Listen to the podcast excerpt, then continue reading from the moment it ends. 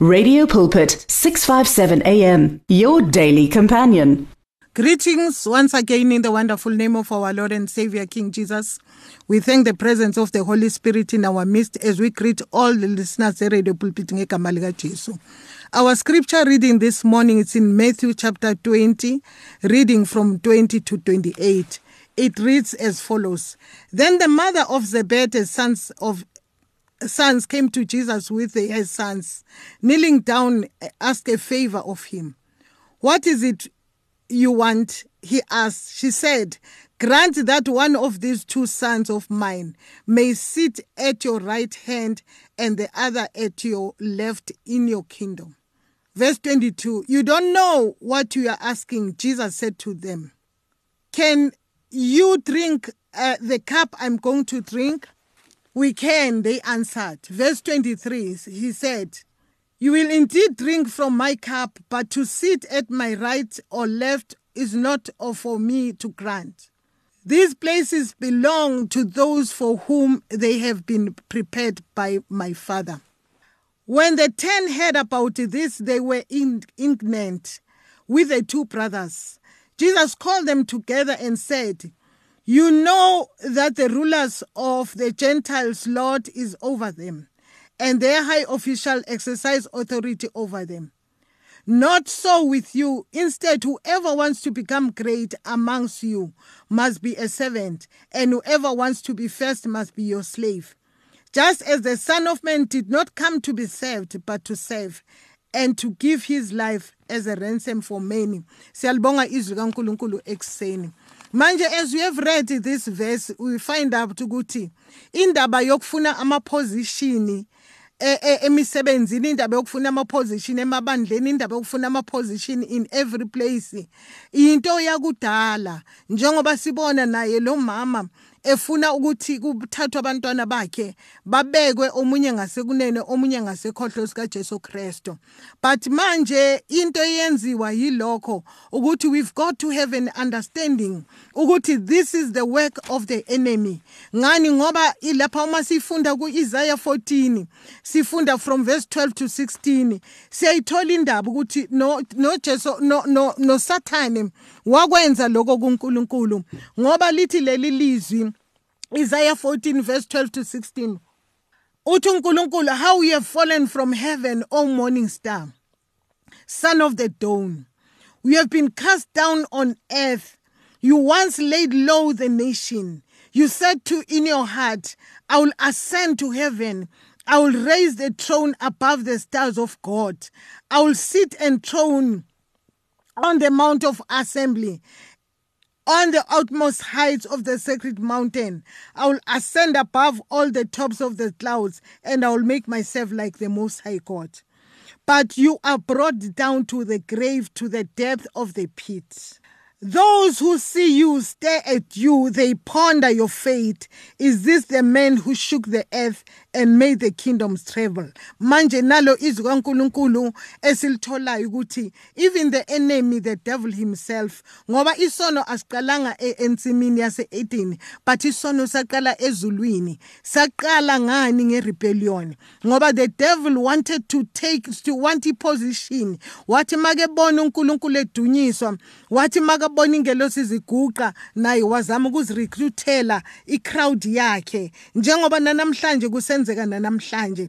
Manje siyabona ukuthi into yokufuna ama position into yakudala and yinto eyenzwa yisitha ukuthi nanamhlanje abantu they don't want even nama title eh, uma uJesu enikeza i-fivefold abanye abasayenzanga ukuthi it's a function bayenze as a title. Manje lana uma sibheka lithi leli lizwi wathi uNkulunkulu how you have fallen from heaven o morning star son of the dawn. You have been cast down on earth you once laid to a nation. You said in your heart I will ascend to heaven. I will raise my throne above the stars of God. I will sit enthroned on the mount of assembly on the utmost heights of the sacred mountain manje siyambona ukuthi usathane wakwenza kwakudala ukuthi afuna ukubeka indawo yakhe ibe ngaphezulu. Now siyayibonga but uh, the Zebedee's wife to raise this conversation. Ngoba if she never raised this conversation besingeke sithole understanding of how things are done in the kingdom kaNkuluNkulu. Ngoba in the kingdom of uh, of the enemy wonke umuntu ufuna isikhundla. But kuNkulunkulu lana kunomehluko. Ngani? Ngoba uma sifunda uverse 25 uJesu Kristu lithi wababiza bonke. Uma sifunda uverse 25 kaMatthew siyathola ukuthi uJesu Kristu wababiza bonke ezobatshela ukuthi the system of the kingdom uh, the things uh, ezenziwa ngayo the kingdom it's not like the system of the kingdom of this world. Iyahluka ngoba uthi uJesu Kristu maketho uthi the system of this world that their rulers and their officials they exercise the authority of the people over the people. But in this kingdom it is the opposite. Manje lana sibheke ukuthi esikhathini esiningi people are looking at the titles. They forget ama function ngoba uJesu Kristo uma enyukele ezulwini enikeza the fivefold. Wayenganika ama title wayenika i function some people they've got titles. Mawuthi uyabheka ititle yakhe ayihambi ne function akuyo. Akayenzi nokuyenza lento azibiza ngokuthi uyiyo. Namhlanje sometimes yona lento yenza ukuthi abantu kube yindawo la bazifihla khona. Athi umuntu eyazi ukuthi omunye uyivila bese athi ngibiziwe omunye uhlulekile athi ngibiziwe. Manje kulula kuvele kulula. Ngoni ngoba sicabangela ukuthi into yokuleader abantu into elula. Masiyibona yenziwa umunye umuntu. Manje lana siyathola ukuthi izwi likaNkuluNkulu wababiza uJesu ama disciple then ku verse 26 wakhona uthi izwi likaNkuluNkulu uyasitshela uJesu ukuthi lana in the kingdom the way up in this kingdom is the way down. Manje to become great is to become a servant. Manje most of the people ileyo kuba isebenzi into bangayizwa kahle. Kanti in the kingdom of God uJesu Kristu uthi la to become great you become the the the, the servant. Manje the attitude of a servant was first practice eh, uma sifunda izwi the attitude of a servant was first practice ubani? uAbraham lapha kuGenesis chapter 18 siyathola ukuthi umuntu oqala okusibonisa iattitude yobu 70 uyu Abraham ngokwethu the father of our faith. Lesitshela lapha yana ku chapter 18 ku verse from verse 1 to 8 lithi leli lizwi uma lifundeka lapha kuGenesis chapter 18 from verse 1 to 8 the Lord appeared to Abraham near the great trees of Mamre while he was sitting in the, in the entrance to the tent in the heat of the day.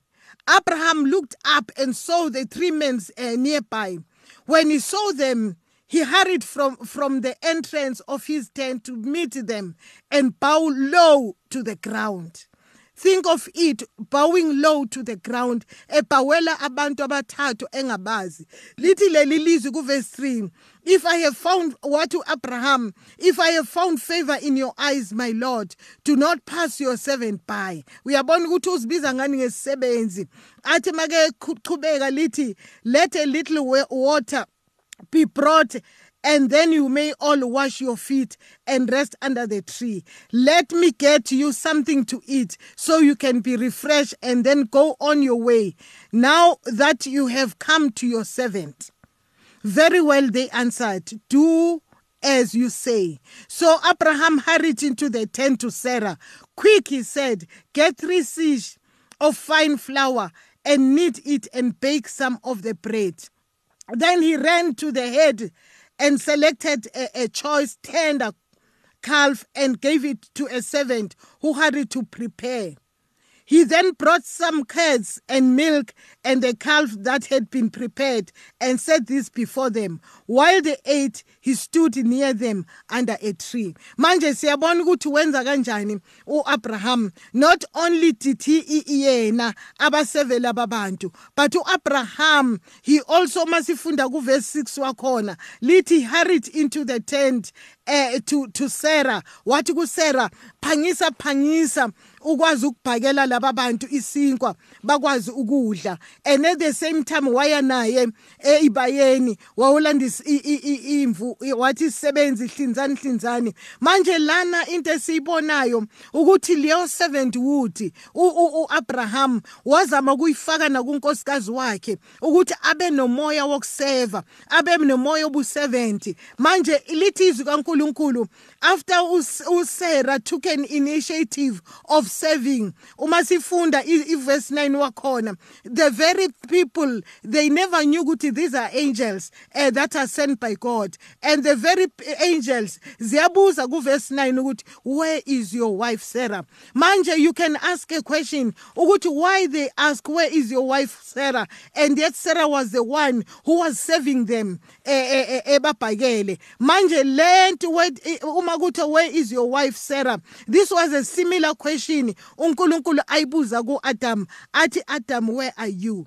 And yet uNkulunkulu wayemazi ukuthi ukuphi kodwa wabuza ukuthi Adam ukuphi? Nabo bayabuza ukuthi where is your wife Sarah? Manje lo le question is not about a position umuntu akuyo. But it's about ukuthi azibone iposition where a person stands in life ukuthi umephi empilweni a position where a person stand in his situation ukuthi kwi situation yakhe umephi. Manje this then tells us that whenever we serve others it gives God an edge to remember us in our situation uh, let us see what kind of attitude uNkulunkulu expectayo manje uma sifunda futhi kwincwadi yamaFilipi ku chapter 2 wakhona izwi likaNkulunkulu lithi your attitude should be the same or that of Christ.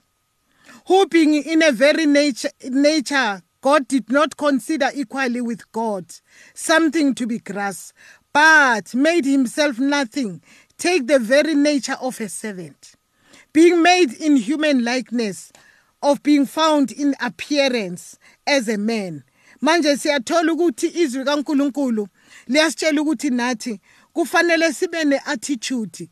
uJesu Kristu wayenayo. uJesu Kristu ethi nguNkulunkulu wayehla waba umuntu esengumuntu wehla waba isisebenzi and wehla kuba isisebenzi waba a born servant. Manje izwi likaNkuluNkulu liyasitshela lana ukuthi we've got to have that attitude. Njengoba izwi likaNkuluNkulu kuMatthew 5 kuverse 8 lithi blessed are the humble for they'll inherit the earth. Manje uma sifikelela kwisikhathi sokuba humble sikuba yisebenzi eh the bible tells us we shall inherit the earth. To inherit the earth ukudla inhliziyo zabantu ukudla izwe ngani ngokuyithoba kwakho. Manje ku Proverbs chapter 15 ku 33 it tells us that humanity comes before the honor. Uyabona ukuthi kufanele sifinyelele ekuyithobeni not ekufuneni amaposition ngani? Ngoba lithi izwi a humanity comes before the honor. Before you've been you, you can be honored we need to go down. Ukuba yini? Kuba humility ukuba ne humility and at the same time masilapho God is able to lift us up. Cabanga vele into. You cannot lift up into seyiphakeme but you lift up into mayiphansi then you are able to lift it up. Uma sibheka into kaNkuluNkulu uNkulunkulu akaqali phezulu njengethuna. uNkulunkulu uqala phansi. That is why sometimes uNkulunkulu mase sifika kuye uhlakaza yonke foundation ahlakaze yonke into aqale yakhe foundation ukuthi manje ngoba uzohamba nami manje. Leza zinto ukuthi bowuzenza kanjani ngihlakaza konke. Manje lana izwi kaNkuluNkulu uJesu Kristu uyasitshela la ukuthi the way up uh, in the kingdom of God is the way down. Manje again ku Proverbs chapter 11 verse 12 lithi when pride comes then comes disgrace but when humility comes comes wisdom. So uNkulunkulu uyazi ukuthi uma sizehlisa kuba nokuhlakanipha sinikeza kona ngani ngokuzehlisa. Manje nezwi lapha ku James chapter 4 ku verse 10 lithi humble yourself before the Lord and he will lift uh, you up manje in reality you cannot lift up the thing that is already up. In order for it to be lifted up it needs to go down. Njengoba sengishilo. Manje kwi-proverbs 29 23 it says pride brings person low but the lowly in the spirit gaze, gaze, gaze honor manje unkulunkulu uma sibheka into ayifunayo ukuba ne-attitude ne yobu-servant ukuba ne-attitude yokuyithoba kumika chapter 6 kuverse 8 lithi he has shown you o mortal what is good. Manje a mortal is something that perishes. Manje lithi lana he has shown you mortal what is good and it's ithi and what does the lord require of you? Manje lana lithi to walk humbly before him. Masifunda laphayana kumika chapter 6 kuverse 8 wakhona. Ukuthi uNkulunkulu usibonisile ukuthi sihamba kanjani kufanele sihambe ngokuyithoba to have a spirit uh, of a servant in us. Siyathola ezwini kaNkulunkulu sengishilo ukuthi uAbraham was the first man owageza inyawo and siyathola noJesu Kristo uma ezoya esiphambanweni the very night ezobetray wakwazi ukuthi uJesu Kristo ehlele ezantsi athathe ithawule ayibeke e, e, kuthwani kwilap yakhe ageze inyawo zabafundi. Meaning ukuthi ebe emphasize this thing makathi hambani nenze kanjalo ebe minisha ukuthi have a heart of a servant be the one okwazi ukuthoba ugeza inyawo zabantu abakulandelayo. Manje lana siyathola ukuthi the importance of a servant sithola nalapha kwincwadi yamakhosi kwindaba kaSawuli uma uSawuli e, e, eyobheka amadonki kababakhe izwi kaNkuluNkulu liyasitshela ukuthi ubaba uKhishi wakhipha uSawuli ukuthi ahambe nesisebenzi sakhe ayobheka amadonki. And uNkulunkulu wayenza amadonki ukuthi kube the point of contact azokwazi ukuhlangana no naye uSawuli ngokwakhe azokwazi ukugcotshwa uSamuel manje uma sibheka ukuthi umuntu wayehamba noSawuli a servant yakubo was the one okwazile ukubiza igama lika Samuel kuSauli. Wathi there's a man of God kule ndawo.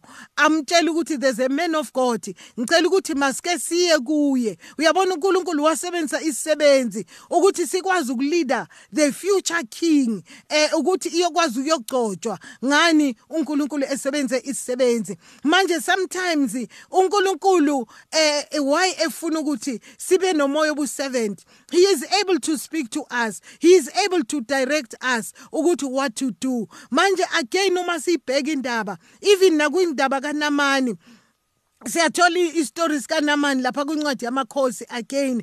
The story of Namani angithi lesi sikaSaul besilapha kwincwadi kaSamuel and lesi sikaNamani silapha kwincwadi yamakings. Ukuthi manje uNamani yena lithi he was beke powerful enqoba izimpi kodwa enelephere and one time the, the girl who was a servant yona eyathi kumedem wakhe wathi if my master can go to see as the man of god le lephere yakhe izosuka. uNkulunkulu use abantu abadelelekile ama70 ukuthi kube yibo abenza manje izinto eziyizimanga. Siyakhumbula nangesikhathi sani nangesikhathi lapha babekhulekela uPetro lapha kwincwadi yezenzo ukuthi besakhuleka kanjalo bebelieve ukuthi uNkulunkulu azokhumula uEtro ejele the very person owezwa lithi izikaNkulunkulu umuntu owezwa uPetro make nkokode eminyango owezwa iphimbo likaPetro it was uRoda who was a servant. Manje you see ukuthi these people uNkulunkulu there's an insight abanikeza yona. Ngani? Ngoba liyashiza kaNkulunkulu ukuthi when you you humble yourself uNkulunkulu will exalt you. When you, you have a spirit of humility first then honor comes. These were the people ababona or this Rhoda was a people owazwa ukuthi uNkulunkulu sekephendulile imikhuleko yabo. Noma abanye makebuyela kubathi uphe imetro semnyango bathi no akwenzeki lokho. Manje we see ukuthi umoya ubu70 kukhona izinto ozenzayo empilweni yomuntu kukhona izinto ozenzayo phambi koNkulunkulu. Yona lo moya ubu70 manje izwi kaNkulunkulu lithi we need to have an attitude. uKristu wayenayo owathi ewumuntu e, e, waba yisebenzi eseyisebenzi wazehlisela to be a born servant. Manje ekseni kwenamhlanje izwi likaNkulunkulu we've got to remember ukuthi the way up is the way down in the kingdom of God. Ngani? Ngoba indlela zikaNkuluNkulu azifani nendlela zethu. Nokwenza kukaNkuluNkulu akufani nokwenza kwethu. Isystem yaleli lizwe ifuna ukuthi wazi ukuthi title yakho ubani. Isystem yalelizwe before abantu bakhone ukukulalela kahle ukuthi bafuna ukwazi ama status akho. But kuNkulunkulu kuhlukile. uNkulunkulu ubheka inhliziyo yomuntu. May God richly bless us this morning eh ukuthi understand ukuthi the way up in the kingdom is the way down. The things uJesu Kristu anikezile these are functions. These were not the title esizibiza ngazo namhlanje. May God richly bless us this morning. This is apostle Gwen in Jesus name amen. The words of the Lord are words of life. Your heart is on 657 AM 657 AM radio for believers in action